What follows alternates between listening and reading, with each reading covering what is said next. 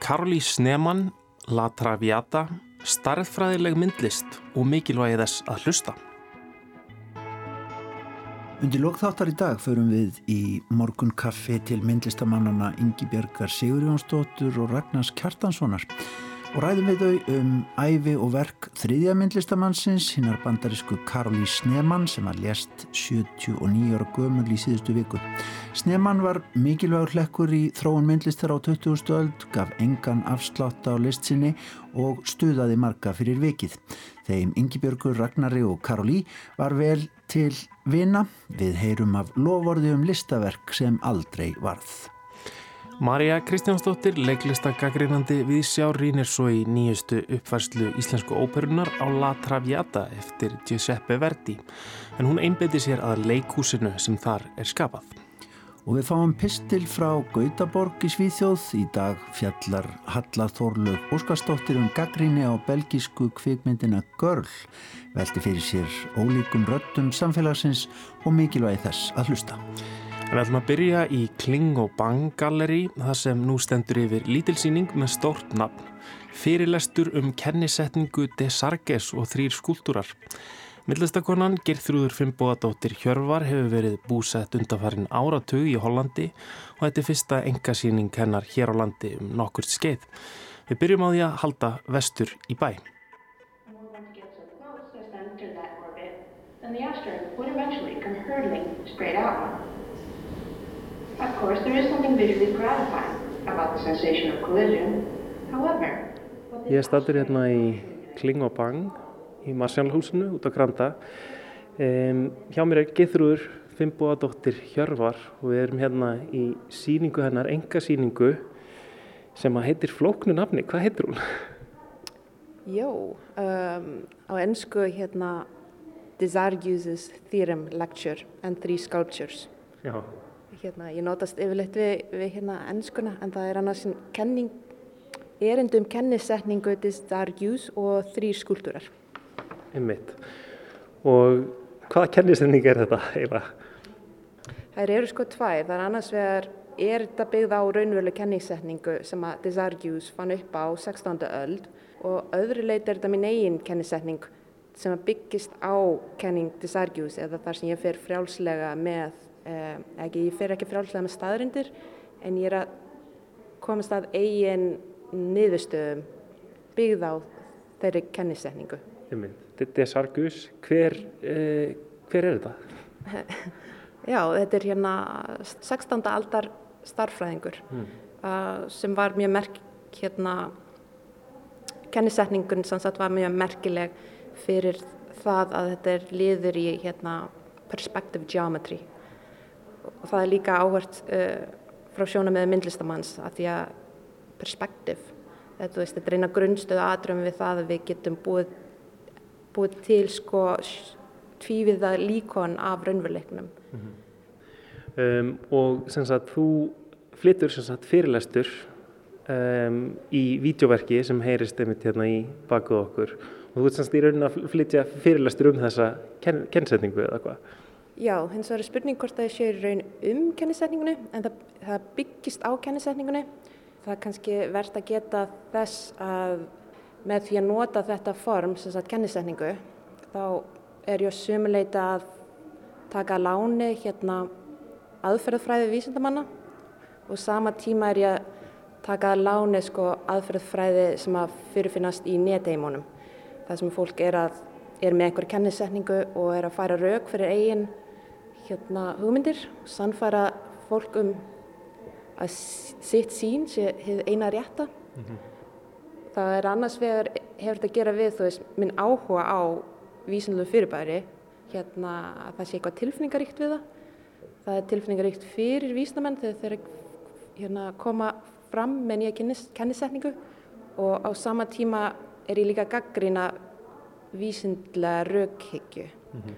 og þá er hægt að líta á sem svo að, hérna, að þá kemur fram þessu spurningu um sannleiksgildi og hvort það sé hægt að spurja sig hvort að það sé sannleiksgildi innan einhverju lýrisku lógík eða lýrisku raukhyggju og þá hérna, svona eftir á hyggju þá leiti svo á að þetta var hægt að telja verkið sem satt af fjögur leiti.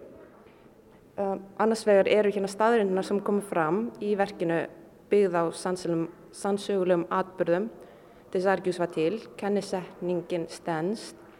Uh, það líka verið að vísa í hérna, í hérna listasöguna, þessi staðurindur sem ég te tek fram, Mlagún, þeir eru líka byggð á uh, sagfræðilega staðurindir.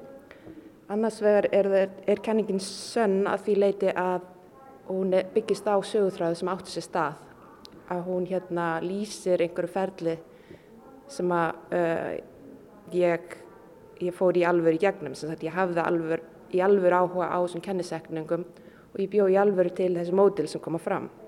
Þriðja lagi er hægt að segja hún sé sönn að því leiti að hérna myndin og orðin þau eru samtvinnið. Það er að segja hérna sagan og myndin er eitt og þið sama, þau eru órjúvanlega.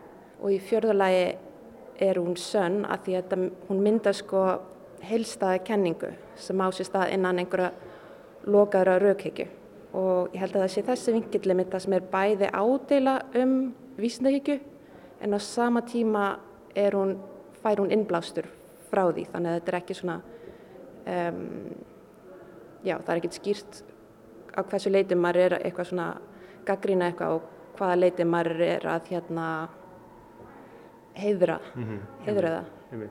En þetta er alltaf mjög áhugavert að velta fyrir sér listaverkum út frá spurningunni eru þau sönn eða ósönn? Að því að við, einmitt, við yfirleitt notum við kannski önnur hugtök eins og er þetta fallegt eða er þetta frumlegt eða eitthvað svo leiðis en, en hérna, þetta er svolítið já, áhugavert að, velta fyrir, fyrir sér svona eiginlega nána starfræðilega bara. Já, jú, jú, ég enda finnst mér það skemmtilegt að hérna, búa til hérna, að líta á raukíkju sem fagufræði og, hérna, og þá virkar þetta í báða áttur. Mér finnst áhugavert að hugsa hluti sem eru tilfinningalegar eða fagurfræðilegar og búa til mjög hérna, einhvers svona, svona ske, skemas, ég veit ekki mhm. hvað er, það er á íslensku, hvern, þú veist, kerfi sem að nær utan það en á sama tíma þá er það ekki minni tilfingaríkt heldur, ég held að sé eitthvað svona svona eitthvað lýrik í þessu raukhyggju sem að, sem að, já, Einmitt. Og einmitt og, og, og í rauninni hérna, maður hefur heyrt starfræðinga tala um það að, að starfræðin sé fyrst og fremst falleg, það sé einhvern veginn samræmið í einu sem gerir hana svo rosalega fallega og einmitt ljóræna einhvern veginn. Áhverst, já. Um, mér er svolítið áhugavert sem þú nefndir áðan að, að, hérna, að þetta væri líka einblósið af internetinu og kannski þetta vídeo fyrirlestra form sem að maður emitt er farin að kannast við kannski af YouTube og svona. Um, hvað hva er það við þetta sem þið finnst áhugavert? Já það má segja að það hafi að vissuleiti verið hérna, upphaf þess ástæðan fyrir ég hafði áhuga á Desargius og hérna kenningsetnum hans var það að vera alltaf að stunda þessa rannsóknarvinnu sem allir ræða á, á Google og skoða svona mikið magn af myndum. Það breytur svo mikið hvað maður byrjar að finnast áhugavert og það sem sagt kemur mjög, mjög mikið fram í vídjónu hvernig ég er að blanda saman alls konar myndefni sem er hérna greinilega kemur úr þessi samengi þar sem ein mynd leiðir til annara mynda. Og það, það líka, það fylgir eitthvað svona lýrist lógík, eitthvað sem byggist bæð og innsægi og tölvutekni sem maður átt að skjálfa á. Þannig mér var mjög hugsuð þegar ég var að búa til verkið hvernig það hefur áhrif á þekkingu nútíma fólks að, hérna, að hafa aðgangu svo mikið upplýsingum og að saman tíma hvað það ræðist mikið að þessum algoritms sem sagt. Ég, ég veit ekki hvað íslensk áraði fyrir það er. Algoritmar. Algoritmar, ok. Einmitt, ég meina, maður ímynda sér náttúrulega hvernig fólk nálgæðist þekkingu áður og þá var það fyrst og fremst einhvern veginn í gegnum bækur, í gegnum texta, núna erum við að fá þetta í gegnum myndir, við erum að gegnum myndbönd og, og einmitt kannski mjög oft e, fer maður á, á netið og fær útskýringu einhvers e, görs eða gælu út í bæ sem er búin að gera myndband, kennslumyndband um eitthvað. Þetta er svolítið nýtt einhvern veginn e, lærdóms ástand sem við erum í einhvern veginn.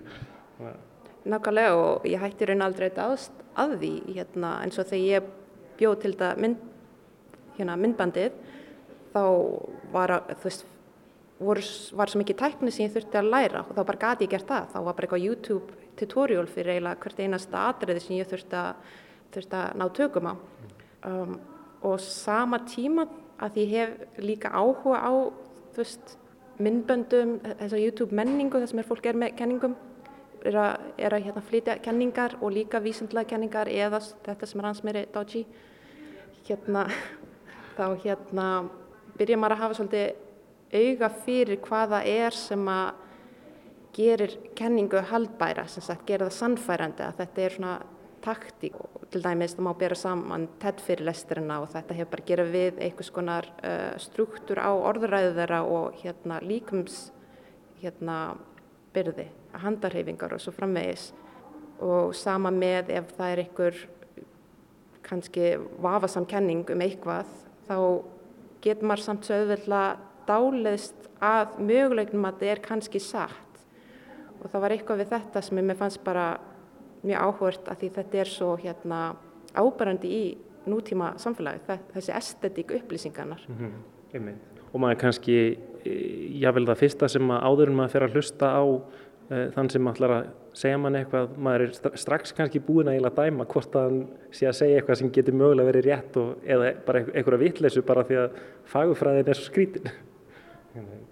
Já, eða á hinbóin uh, sem fagmaður innan hérna, sjónmenningar þá ymmit þegar eitthvað verður mjög skrítið þá ymmit fer ég hérna, að hlusta betur eftir að því að þá er ég tilbúin að hlusta á eitthvað sem ég kannski ekki heyrta á þur en ég held að sé líka að sama leiti hef ég áhuga að hlusta á alls konar kenningar án þess að trúa þeim ég hef miklu meira áhuga á hvort að hérna, það sé eitthvað áhugast við veist, hugsunar stílin og í því samengið þá fannst mér líka áhugast að búa til einhverja halbara kennisetningu sem leiði til þess að gaggrína ekki þessa menningu sem sagt internetsins heldur líka vísindahyggju. Að því að hver einasta kenning innan vísindahyggju er líka á sér stað innan loka, lokaðri hérna, já, lokuð rökhyggjað.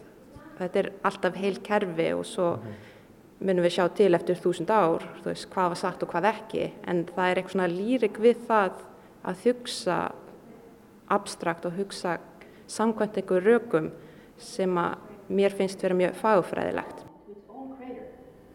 Thereby replacing the image of collision with that of self-similarity as the whole disappears into a detail of itself again and again. Og þarna rætti Kristján við myndlistakonna Geirþrúði Fimboadóttur Hjörvar um síningu hennar í Klingobang Galeri út á Granda.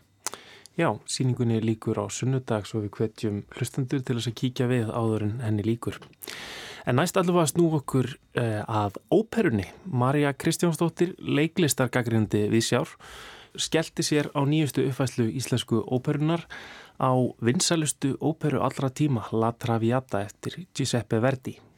Það var árið 1853 að La Traviata eða svo afvegaleita eða bersenduga eftir Giuseppe Verdi var frumsynd í fjarnægum.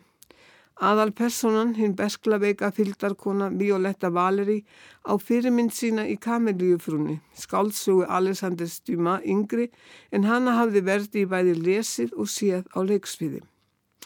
Sterk frelsis þrá hans sjálfs og enga líf hefur auðvitað leitt verði til þess að takast á alveg nýjan hátt við þetta þema um ást sem býður skipsbrot vegna þjóðfélags aðstanna og leiða inn á óperisviðið í fyrsta sinni kvennpersonu sem var nú rík og sjálfstæð til að ráða yfir eigin lífi og mannana sem þyrpast í kringum hana. Veistlur Violettu eru hápunktur samkvæmislífsins í Paris þar sem hún syngur að hún vilji alltaf vera fráls, sempre libera, til að gera það sem hana langar til. Það breytist hins vegar þegar hinn fengulegi Alfredo mætir á staðin og hún verður í fyrsta skipti ástfangin. Hún ákveður að flýja með hann út í sveit í borgarlega engasælu en brátt sækir þið tvöfaldar sirgæði þjóðfélagsins hana heim í líki föður Alfredos. Violetta ákveður þá að fórna ássinni fyrir heill fjölskyldu elskóhans og snýr aftur í gleðskapin í Paris án þess að ræða málinn við Alfredo. Djúft særður niðurlægir hann hana ofinbellega. En þegar loks kemst að hennu sanna snýr hann yðrun að fullur aftur til gati Violettu en þá er hún degjandi. Þessi ljúfsára fagra ópera sem í upphafi vakti neykslan og fordamingu vegna upphafningarinnar á utangarskonu var það lokum ein vinsælasta ópera allra tíma og er reglulega sínd í flestum löndum, einnig hér á landi. Það þarf því nokkra hugmyndaauðgi til að koma óperu áhuga fólki á óvart í sviðsetningu ennar. Það gerir heldur ekki leikstjórin Oriol Thomas og leikmyndateiknarin Simon Gilbult í nýri síningu íslensku óperunar. Hugmyndi sem þeir leggja til grundalar eru hefðbundnar og gefa festar nokkra nýja sín á verkið og sumar jável draga úr áhrifamætti þess.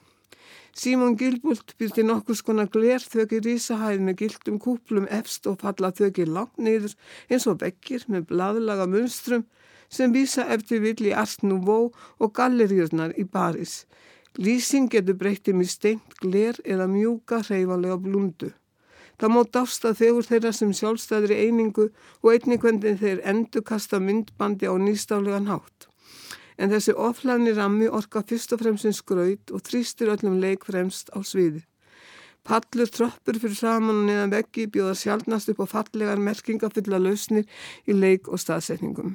Skýrast kemur það fram í senu Violettu og Germonds þar sem hann með staðsetningu og búningi er sviftur öllu vægi föðurveldisins. Búningar gefa annars misvísandi til kynna að við séum stödd í tíma einhver staðar á fyrstu áratugum 20. aldar. Kóru vestlugesta þarf mest að hreyfa sig í þrengstum og hægri helmingi þannig sem allar innkomur eru líka þvert á allan myndlestur okkar. Samvinna fljómsvitastjórans Bjarnar Drímans Bjarnasonar og leikstjórans í flæði hreyfinga var oft með ágætum. En við vitum auðvitað að eldborgarsviðið er erfið og mikil glíma fyrir leikmyndateiknana og leikstjóra að íslenska óperan er ung, við áherrendur því jákvæðir og flestir íhalsamir. Engin af þessum þremur þáttum var þess þó beinlinis valdandi að ég naut þess samt að horfa og hlusta á La Traviata. Það gerði hins verið í fyrsta lagi skipanin í tvö aðalhautisku verksins og vinna leikstjóra með þeim. Það er Herdís Anna Jónsdóttir sem syngur hlutverk Violetti. Hún er eðlilega glæsileg, þokkafulli reyfingum og ber með sig reynd og innri styrk sem gerir vald hennar yfir karlmönnum skiljalegt en tekstum leið að miðla þeirri einsemt og viðkvæmni sem dilst á bakvið fjarlaga selskapsgrímuna. Tónlist Verdís liftir henni og hillir og áhörfandi samsamar sig falleri frábærlega skólaðri röttinni í þrá hennar ást og einsemt að það er óhjákvæmilegt að Violetta festi ást á anstæðu sinni hinnum tilfinningasama Alfredo sínir Elmar Gilbertsson með nærveru allri og sinni fallegu rödd. Og svo er það auðvitað bara vertikallin sjálfur sem heitlar með þessari melodísku rífandi tónlust sem endalust er hægt að ylja sér við. Saði Marja Kristjánsdóttir. Hún fór og rýndi í leiklistar hliðina á uppvæslu Íslensko óperunar á La Traviata eftir Giuseppe Verdi. En við ætlum að halda áfram og fara yfir til Svíþjóðar. Þann erum við að fá sendingu, ekki satt Kristján? Jú, Halla Þorlu Óskarsdóttir, hún er hérna með okkur á tveikja vegna fresti og í pislisinum í dag þá allar hún að fjalla um gaggríni á belgisku kveikmyndina Girl og velta fyrir sér ólíkum röttum samfélagsins og mikilvægiðars að hlusta. Ég var að fletta í gegnum veftímaritt Guardian og rækstar á viðtal sem bar áhugaverðan titil. Ég hef rétt á að segja þessa sögu. Lukas Dont ver kveikmynd sína Görl. Kveikmynd þessi, Görl, var sínd á Stokkfyrst kveikmyndaháttíðin í Reykjavík sem lauka á sunnudaginn. Þar segir frá henni 15 ára Löru sem dreymir um að verða ballerína. Þar sem hún er transtúlka þarf hún að kljást við ýmsar hindranir sem hefð ferkandaða samfélag hefur stilt upp á vegi hennar. Eins hrjáir hann að kyna á mig eins og marga einstaklinga í hennar spórum. Kvikmyndin hefur hlotið mikið lof sís gaggrínanda en verið harðlega gaggrind af trans og hinsegin samfélaginu. Ástæðin er svo að leikarin Viktor Polster fer með hlutverk Luru. Sís karlmaður leikur trans stúlku. Þetta hefur gerst margóft áður. Og hvað er að því? Er þetta ekki kona í líka maður kallt hvað sem er? Þarf að hafa upplifað allt til að leika það? Er þetta ekki alveru leikari eða? Nú er ég sjálf sískona og sjónarhorn mitt takmarkað af því. en ég held að þetta sé ekki spurningum hvort Polster sé nægilega góður leikari til að fara með hlutverk löru. Mér grunar að gaggrinnin snúist um eitthvað meira. Menningargaggrinnandin Oliver Whitney, sem sjálfur er trans, segir að með því að sína síns einstaklingi hlutverki transmannesku sé verið að senda þau skilaboð að það að vera trans sé performance. Þegar áhörfundur sjáu þekta sís karlleikara í hlutverki transkvenna þá sé upplöfunin svo að transkona sé einfallega karl í kjól. Auðvitað er ekki allir svona vittlausir að halda það en það eru heldur ekkert allir að pæla í því. Þetta er bara bíómynd fyrir flestum, en ekki öllum. Ég rendi augunum yfir kreditlista kvikmyndarinnar Görl. Leikstjórn er sískarlmaður, framleiðandin, handritsöfundar, aðaleikari, tónsmiður, flestnöfnin eru karlkins.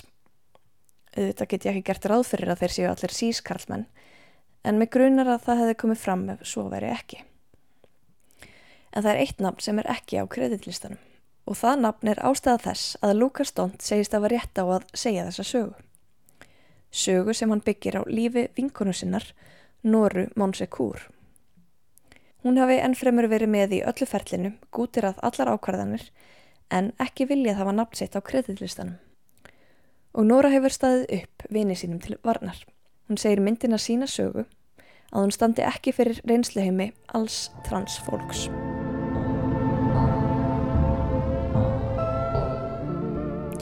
Kanski má hugsa sér að Dont hafi haft leifi til að segja þessa sögu því Nora hafi gefið honum leifi. En mér langar samt að vísa aftur í gaggrinni Oliver Whitney þar sem hann segir meðal annars að kveikmyndin sendi bæði raung og óábyrg skilabóð um livjameðferð til að stöðva kynþróska. Í stað þess að meðferðin létti andlega byrði söguheitjunar sem samkvæmt Whitney ætti vera raunin auki hún á vanlíðan hennar og tilgangurinn sé engungu að hefja upp dramatík kveikmyndarinnar. Ábyrðarlaus kveikmyndamennska, segir Whitney. En hver er ég svo sem að tala um þetta? Ég er sjálf sís kona. Ég þekki vissulega trans einstaklinga en það er ekki nóg til að ég geti talað fyrir þeirra hönd. En á ég frekar að þeia? Ég veit það ekki. Það er líka hættulegt þegar samfélag þóra ekki að tala hræðislan við að vera lesin sem rasisti eða fáfráður einstaklingur. En svo er kannski komið tíma til að þeir sem hafa fengið að tala mjög lengi haldi kæfti í smá stund og hlusti. Það er erfitt að hlusta og tala í einu. Hins vegar held ég að það sé alveg öruglega ágætt að spyrja spurninga. Og ef þú spyrði einlegni og af áhuga og verðingu með vilja til að taka einn svarið og melda það, mögulega leifa því að hafa áhrif á þig, þá held ég að fólki sem þú spyrð muni ekki móðgast. En ef það móðgast, þá máttu líka vita að það er öruglega ástæði fyrir því. Ég væri líka orðin þreytt á því að þurfa endalust að útskýra tilvist mína fyrir öðrum. Stundum er ekki hægt að krefast svara, ekki fyrir ekkar en það er þetta krefast fyrirgefningar.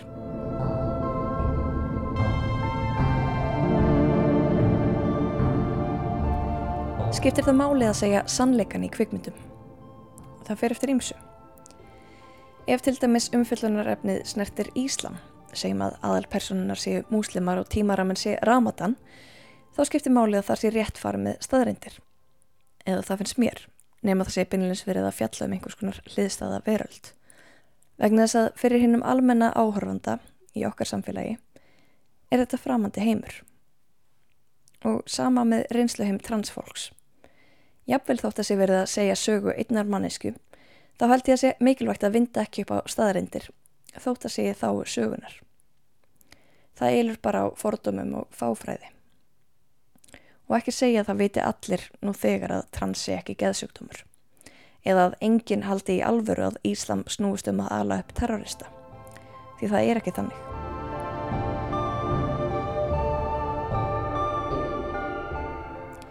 Undarfarið hef ég verið á ferðalagi og þar á leiðandi setið lengi í rútum og lestum og hlustað á útvarstætti. Margir voru viðtalstættir og einhvers konar personaportrætt. Flesta þættina valdi ég því fólk sem ég kann að meta var til viðtals. En inn á milli hlustaði ég líka á eitthvað allt annað fólk. Fólk sem mér fannst hafa alveg ótrúlega, fyrðulega sín á lífið. Og þar sem ég hlustað á ameríska konu bljúa lýsa því yfir hversu þakklátt hún væri að hafa verið valin sem andlit Gatorade auglýsingaherrferðar, rann upp fyrir mér sá möguleiki að hún deildi skoðunum með meir hluta þjóðfélagsins. Mér fannst þessi kona ekkert vera með ríkalegar skoðanir, heldur bara óvæntur. Eitthvað sem ég myndi ekki sjá á Facebook-dælunum minni. Og allt í hennu fannst mér mikilvægt að hlusta á fleiri rattir. Og þá meina ég ekki bara rattir sem ekki hafa heyrst áður eða hafa þurft að berjast fyrir að hljóma, heldur líka þessar rattir sem eru ennþá að tala. Því annars var maður skakkamind af heiminum. Og allar þessar rattir til er að fólki sem hefur myndað sér þessar skoðanir með einum hætti eða öðrum. Og þegar ég segi hlusta þessar rattir, þá meina ég ekki endilega vera sammála þessum röttum, heldur bara hlusta.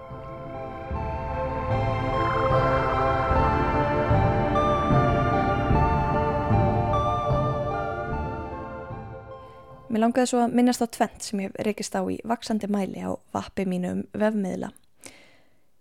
Hið fyrra er hið sanna sjálf. Margar amerískar sjálfsjálfabækur koma inn á hugmyndina um sjálfið og leitin á því. Og það er ekki lengur nógu að bara vera þú sjálfur. Heldur þarf að finna your true authentic self og vera það. Þitt ekta sanna sjálf. Og ég veit ekki hvað það þýðir. Ég efast ekki um að einhver hafi fundið þetta í sjálfskoðun eða hugleðslu en ég skil ekki hvað áttu við. Kannski er ég að ofinbera eitthvað svakalega vandræðilegt hérna. En samkvæmt nokkrum tett fyrirlesturum á þetta sanna sjálf að vera leiðarljós okkar í gegnum lífið. En fyrst þarf maður að finna það innræð með sér. En fyrst það er bara hægt að finna það, þá hlýtur það að vera eitthvað sem við fættumst með og er þá ákveðin fasti eða hvað. Annað sem endurómar í gegnum sjálfsjálfa bækur og óumbeðnar ráðleggingar í formi vístómsteksta og myndskreittra tilvitnan á samfélagsmiðlum er setningin Everyone's unique. Allir eru einstakir. Og af einhverjum ástæðum finnst mér þetta hljóma svo furðulega. Ég er ekki vissum að ég sé tilbúin til að skrifa undir að við séum öll einstök. En ég held samt að við séum öll mismunandi. Hver er munurinn? Góð spurning, takk kannski engin. Þetta er bara einhver tilfinning. Mér finnst einstök byrja að keima á einhvers konar upphafningu, upp úr fjöldanum, á meðan mismunandi fólk getur samt átt margt sameigilegt. Við höfum til dæmis ekki einstakarskoðanir, en sannarlega eru þær mismunandi.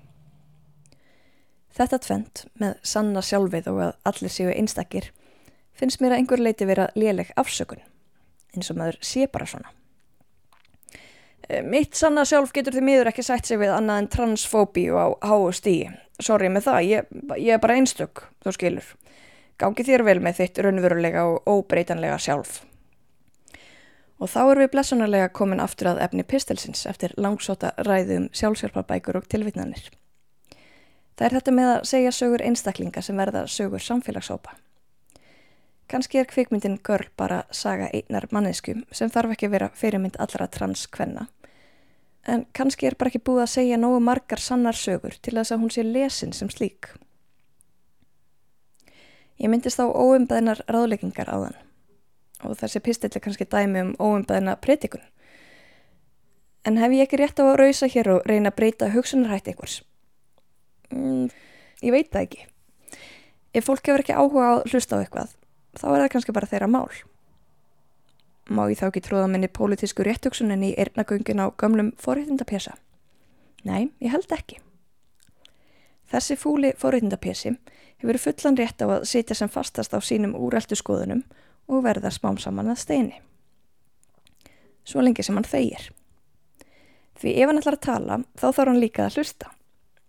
Það samáðu þetta við um mig og alla. Ef þú ætlar að taka þátt í samræðum, verður þú líka að hlusta á hýna sem er að tala. Svo ef fólk er sjálft farið að tjá sig um ákveðin málefni eða hafa áhrif á einhvers konar réttindabaratu með gjörðum sínum, þá er það með því að opna á umræðu. Gerir þú listaverk sem snertir á málefni, þá máttu búast við því að um það verði rætt.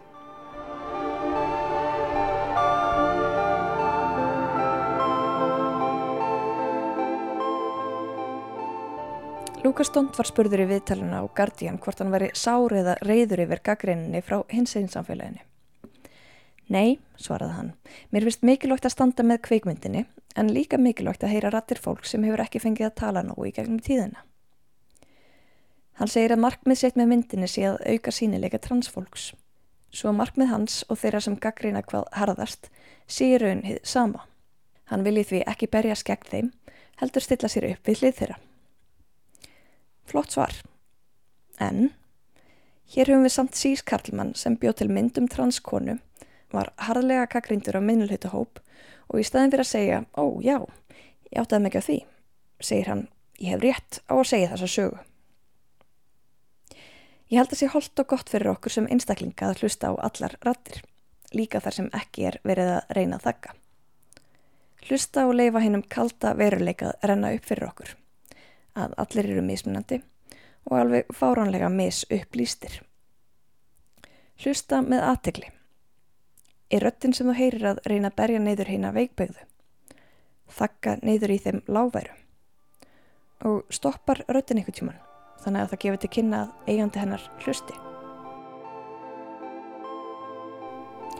Ef við bara hlustum getum við kannski skilja hvert annað. Og svo ég vitna að lókum í nýja uppáhalds reytöfundum minn, Jóhannes Annihúru. Það er bara þessi heiminn, þessin múrar og svo öll þessi augu sem horfa. Takk fyrir að hlusta.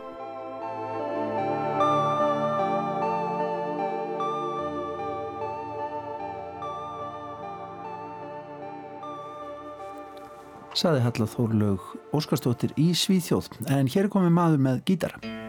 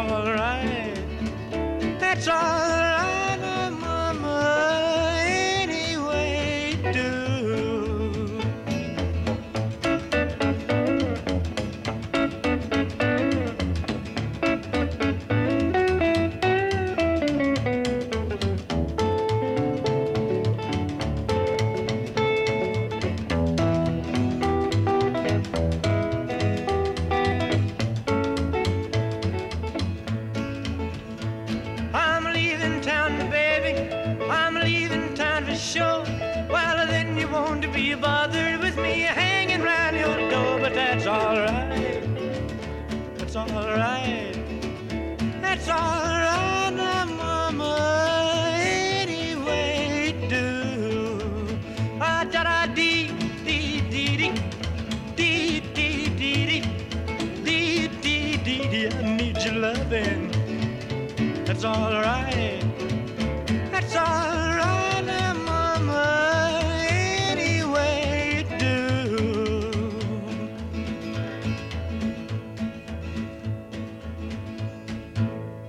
Elvis Presley árið 1956 með lagi That's Alright Mama. Um þetta leiti var bandarísk kona að koma undir svo fótunum sem listmálari þar vestur frá. En hún heitir í listasögubókunum Karli Sneman. Hún lést í síðustu veiku 79 ára gömul og þykir merkilegur listamæður. Stöðaði marga með listsinni en gaf engan afslátt. Ingi Björg Sigurjónsdóttir og Ragnar Kjartansson eru líka myndlistamenn þau búa í Reykjavík við heldum í morgunkaffi til þeirra til að fræðast um Karolís Neyman sem þau þekktur endar vel við byrjuðum á því að skoða persónlegan grip.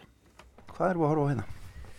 Þetta er hérna mappa sem hún hérna gaf okkur í brúðagjöf eða komið í, í brúðgjöfið okkar og er eiginlega lofvorðum listaverk þetta er hérna sínur annars vegar sko ljósrið af svona klippimynd sem hún gerði af fyrstu heimsóknun sin til Ísland sem er bara hvað 1960 eitthvað öruglega og svo er þetta nokkrar hérna, myndir af einhverjum stundum sem við höfum átt með henni og einhver úr listaverkum frá henni og svona sem hún er búin að skrifa inn á.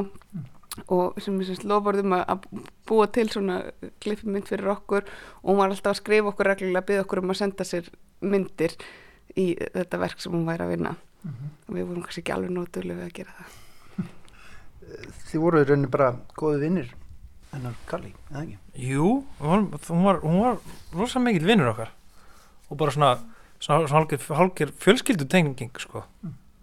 hugsaði búið að falla um okkur sko, var svona svolítið svona Já, hún var svolítið svona, svolítið svona verndar okkar já, Já. Gott að eiga þannig. Það er, það er ekki, ekki slæmt sko hún er rosa mikill listamæður en hún er líka svo mikill svona verndari ástarinnar. Fínt lofurðum listaverki brúkasgjöf. já. Heldur betur. Bara, svo þetta er bara svona típist hvernig lífið er bara, já, erum að senda Karoli einhverja myndi, svo bara, svo bara allt einu um dáin. When I came back, they had put all these little bits of things on my plate that looked like veginn, hún var svo mikið fyrirmynd. hi- hideous sculptures. hvernig maður getur verið einhvern veginn bara alveg trúr listinni bara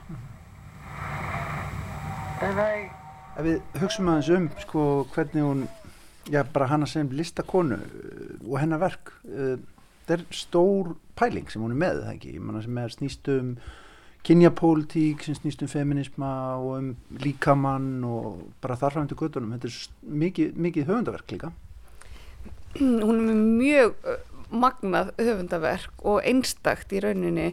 Hún uh, sko er ábúrslega sjálfstæð manneskja og listamæður og bara frá því að hún er bara sko úlingur þá er hún með mjög sko skýra sín um það hvað hún vilji gera og hvað hún vilji skapa og er ábúrslega opin og óttalaus alla tíð í sínum ferli og, og fer sína leiðir af sko mjög svona terri þrá til þess að- skapa eitthvað sem skiptir hana máli. Hún ætlaði sér aldrei að hneiksla eða reyna að ganga fram á neinum en hún gerði sér grein fyrir því að það var oft hliðarverkun af því sem að, hún gerði. Þannig að hún til dæmis, hún er ekki fætt með nefnið Snimann og heldur tók hún það upp til þess að, e, tröfliki fjölskylduna sína. Hún tók það ekki upp til þess að afneita fjölskylduna sinni, heldur til þess að, kasta ekki skugga á fjölskylduna sína með því að vera að gera þessi verk með fjölskyldunafnið.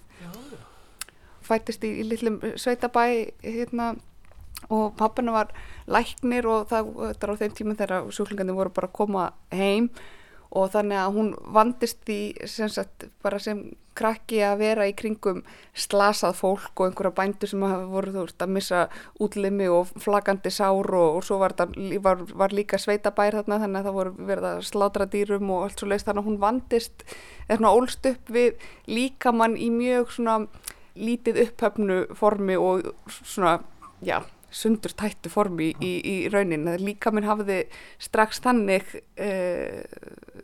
Skýrskotun fyrir henni. Og maður sér alveg þess merki í verkunum hennar setna sko.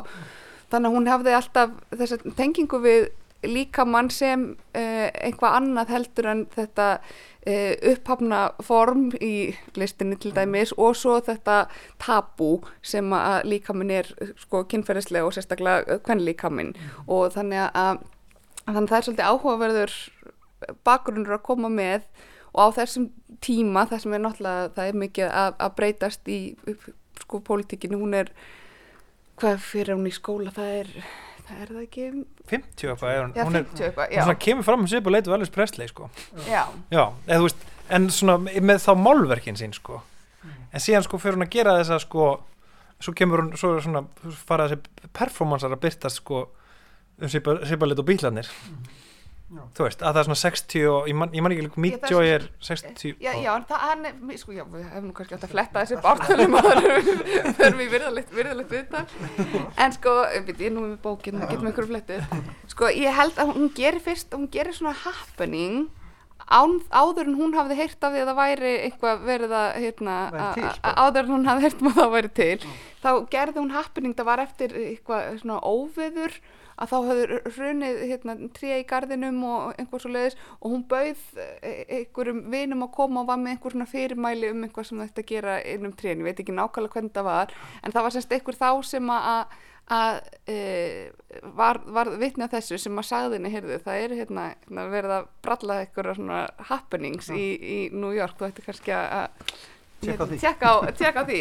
Þannig að hún og eftir það setna flutt hún svo til New York og, og var inn í, í ringiðunni í listalífinu þar og var meðal annars með því að, stopna svona tilraunakent uh, leikhús þar og sem hún fór að- gera gjörninga í og, og svo leiðis en hún kemur semst frá því að vera málari og hún lítur alla tíð á sig sem málara þótt að verkin sem hún sé þekktust fyrir séu gjörningar, vídeoverk og ljósmyndir að þá kemur hún alltaf frá því þessum að hún segir frá sko, þessum aga að vera árum saman í sko, klukkutímum saman á dag að mála málverkið og það sem hún fyrir að gera er að hún fyrir að vinna með sinn líkama. Hún er rekin úr skóla fyrir að, að hérna, e, mála e, sjálfsportrætt af sér nakinni. Hún var að ég held einu kvenkinsnefandin í Bard á þessum tíma og það var svona, samnefndurinn og kennarinn vildi helst að hún væri bara mótel fyrir þá og svo þegar hún málaði mynda sjálfur sér nakin þá var hún bara reikjum skólinum.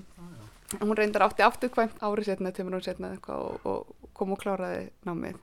Ég set smá fyrirvara á öll ártöl og, og hérna ár sem við segjum að Við erum ekkert að gefa, gefa út reytkjær hérna, sko. Þetta er bara, segjum frá henni bara svona svo í Íslandingasjónum það er ekki svona, hún er bara svona hitja sem að, sem að gera þetta og gera þetta. Ekki alveg nákvæmlega hvað ár sko. En Ragnar, svona því hún sviðsetur sig, jú, mjög, mjög markveist í verkum sínum og er, tekur mjög mikið þátt og ég þekki nú annan listamann sem gerir það stundum. Eh, hvernig finnst þér, finnst þér það hjá henni? Það, hvernig hefnast það? Hvernig sko, virkar það á þig? náttúrulega sko, hún er algjör sko brautriðandi í því hvernig hún sko sviðsetur sig og setur sinn, sinn líkama og sitt sko bara sitt kyn og hver hún er eitthvað neginn, notar það sem efni við síðan er það náttúrulega bara í ettri listi í dag þú veist, það er, það er svo sko það er svo mikið hver maður er einmitt fyrir Karli Sýmann voru bara það var tilfengi, það voru bara svona einhverju svona einhverju svona kallar svona eins og ég sem gerði myndlist Já, já. og þú veist, einhverju hvíti kallar og þú veist, þá var þetta ekkit issue hver maður er En, En- þetta, er, já. er, er partur af svona, það sem heitir á, á ennsku sko, identity politics. Já. já.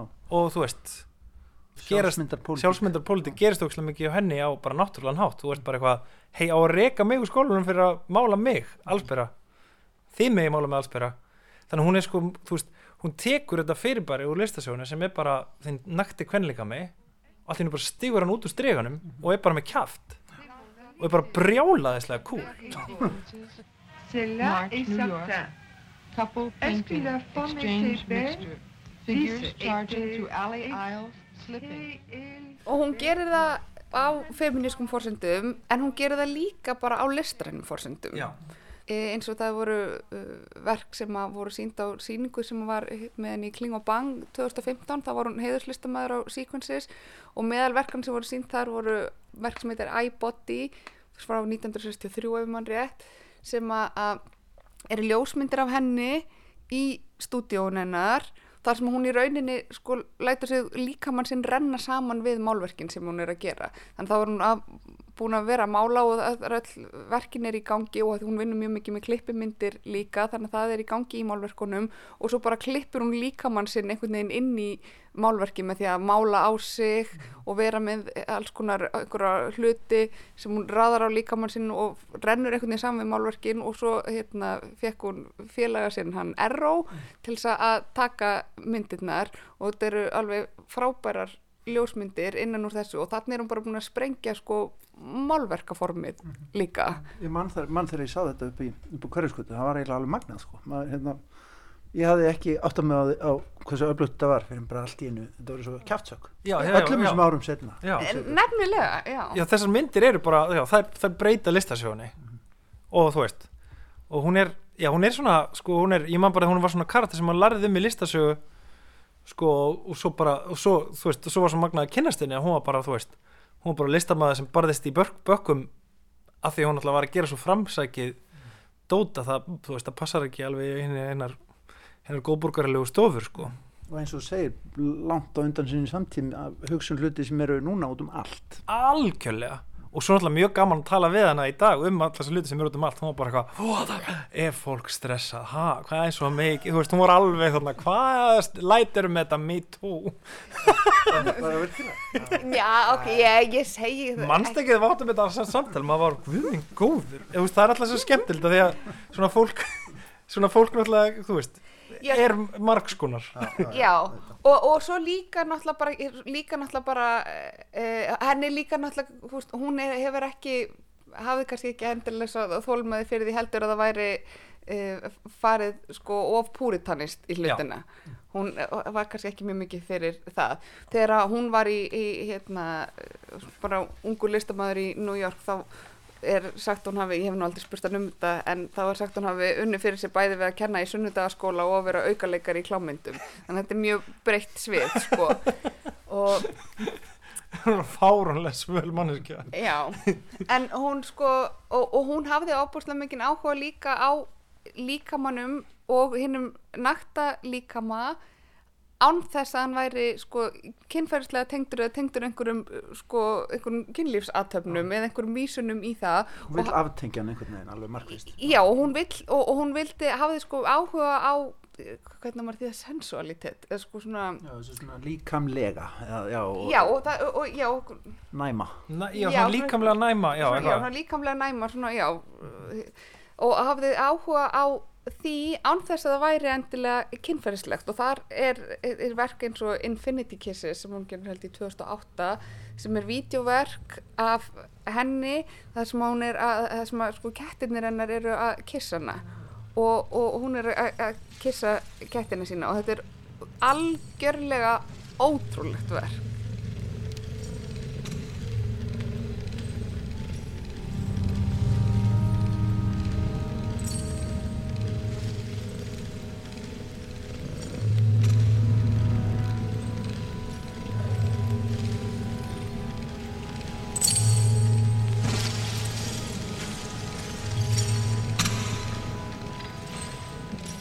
og hún varpar því, hún hefur búið til að því svo hafði hún líka mikið áhuga á svona hreyfi skúlturum þannig að hún bjóð til svona spegla á mótor sem að snúast sem hún setur fyrir framann e, skjávarpana.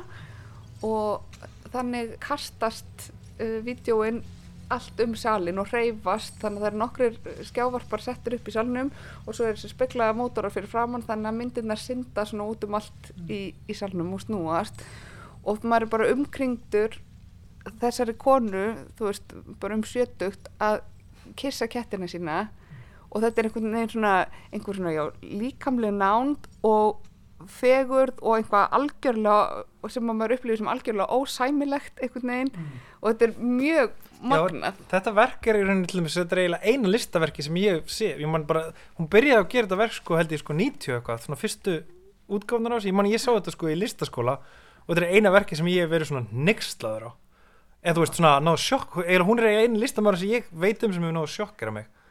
Bæði þú veist, náttúrulega fyrst þegar maður sá hérna bara þegar maður sá myndirnar af hennar sem hún var að draga hérna interior scroll, þar sem hún dregur svona svona, svona, svona rullu út úr, út úr hérna píkun á sér í performance, þetta var svona, hún gerði verk sem að voru svona, minn góður!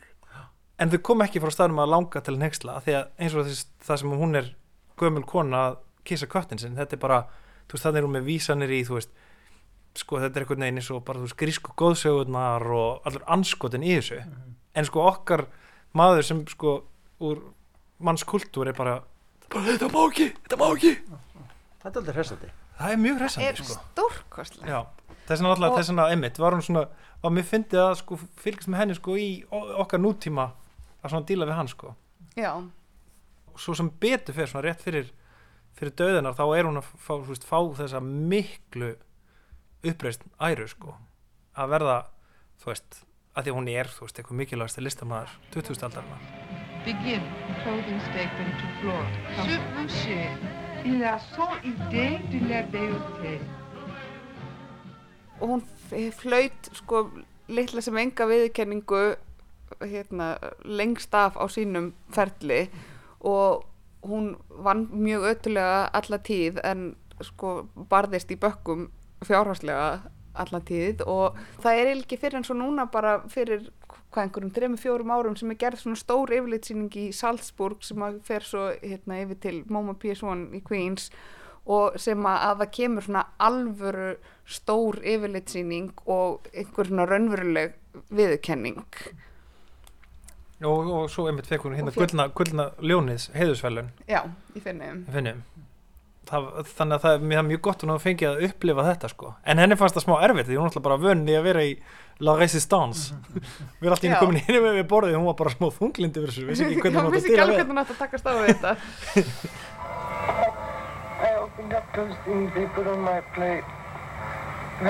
Kannski eitt punktur er þetta sko með veist, hún er alltaf þekkt sem mikil upphagsmaður sko. Feministkar millistar og performance listar en sko en kemur frá þessum bakgrunn að vera málari og vilja alltaf búa til hreyfingu í málverk. Að sko fyrstu sko barnateikningarinnar er ógæslega mikið af sko af bara svona stelpum á sko skautum. Ég man ekki hvort þú var rulluskautar eða skautar það er bara svona alltaf eins og sjá hreyfing út úr teikningunni. Og það er alltaf það og hún leit alltaf á þessi málara sem var að reyna að búa til hreyfingu í málverki þú veist þannig að ég held sko að það eru svo marg, mörg okkar sko listamannin í dag sem eru í sko sem standi svo mikill sköpunulegri þakkaskvöldu hana til hún opnaði svo marga dyr ekki bara í, í hérna þú veist því sem við þekkjum hana fyrir heldur líki hvernig hún opnaði sko hugsunum um þú veist hvað er málverk og hvað er hérna að vera aldrei einhvern veginn hafa aldrei þólimæði fyrir að vera föst í formi. Hún er svona algjör andstæða við þú veist þú veist, hérna, móternísku kallfauskana bara, þetta var gaurin sem málaði kvítu abstrakt myndirnar eða þú veist þá bara var hún alltaf bara að gera alltaf eitthvað, alltaf hreyfing. Þú veist, og hreyfingin var sko bæði í, hérna í, þú veist, í forminu og svo líka bara í kultúrnum, hún, þú veist, hreyfði kultúrin sem hún lefði á meðan hún lefði þannig að, þú veist, það var svo Ingeborg sagði sko þegar hún dó bara eitthvað, bara vá, ég hef aldrei hugsað svona mikið bara með eitthvað kvíla í friði af því að það var svo mikil hreyfing í lífinu.